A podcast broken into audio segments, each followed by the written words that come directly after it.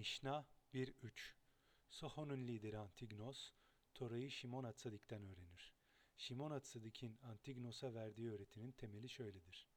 Tanrı'ya efendisinden bir ödül bekleyen bir kul gibi hizmet etme. Aksine efendisini seven ve efendisinden ödül beklemeyen bir kul gibi hizmet et. Tanrı'yı sev ve ona karşı bir suç işlememek için ondan kork. Antignos, İsrail topraklarının Yahuda kabilesi için ayrılan Soho şehrinde görevliydi. Mişna'da geçen iş kelimesi Talmud'un Yoma bölümünde ifade edildiği gibi lider, kral anlamını taşır. Neden insanlar başkalarından aldıkları talimatları ve kuralları uygularlar? Bu kurallara uymamızın sebebi bazen sevgi, bazen de korkudur. Yerine getirmediğimiz takdirde kötü şeylerin olabileceği korkusuyla kuralları uygularız. İnsan genelde başkalarının koyduğu kuralları uygulamakta isteksizdir. Kuralı koyan kişiye karşı sevgi ya da korku duymuyor olabiliriz. Buna rağmen kazanacağımız herhangi bir ödül nedeniyle kuralları yerine getiririz. Örneğin çalışan bir işçi genelde patronuna karşı bir sevgisi olduğundan veya ondan korktuğundan dolayı değil, maaşını gerektiği gibi almak için patron isteklerini yere getirir. Tanrı'ya itaat etmemizin nedeni herhangi bir ödül beklentisinden kaynaklanmamalıdır. Bu düşünceyle Tanrı'ya hizmet etmek makbul olmayacaktır.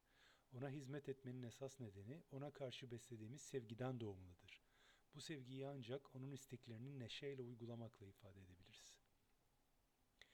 Abravanel bu mişnada vurgulanan ödülün bu dünya için olduğunu belirtmektedir.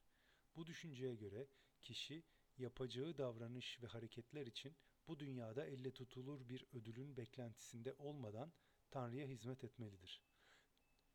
Ama gelecek dünya için ödül elde etmek konusunda gereken uğraşı verebilir ve bu düşünce ile Tanrı'ya kulluk edebilir. Tanrı'ya hizmet etme yolunda sevgi ve sevgiden dolayı oluşan korku hisleri bir bütün olarak var olmalıdır. Emirleri uygulama konusunda Tanrı sevgisi önemli bir unsur olduğu gibi yapılmaması gereken kurallara uymak ve kendini frenlemek açısından Tanrı korkusu önemli bir rol oynayacaktır. Sevgi ve korku gibi iki itici güç var oldukça kişi Tanrı ile kurmada ve manevi yaşamda gereken ilerlemeyi kaydedebilir.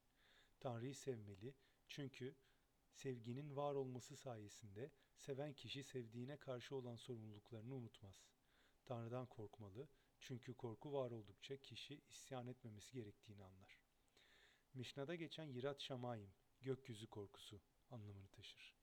Bu da aklımıza Mişna'nın Tanrı korkusu, Yirada Şem kelimelerini kullanmayı tercih etmek yerine gökyüzü korkusu ifadesini neden kullandığı sorusunu getirmektedir. Bunun cevabı Tanrı'ya karşı bir korkudan öte, kişinin Tanrı ile olan ilişkisinin kesilmesi ve bitmesi korkusudur. Yeryüzü insan ile gökyüzü Tanrı arasındaki bağın bitmesi korkusu var oldukça kişi hata yapmaktan çekinir ve Tanrı ile güçlü bir ilişkiye girer.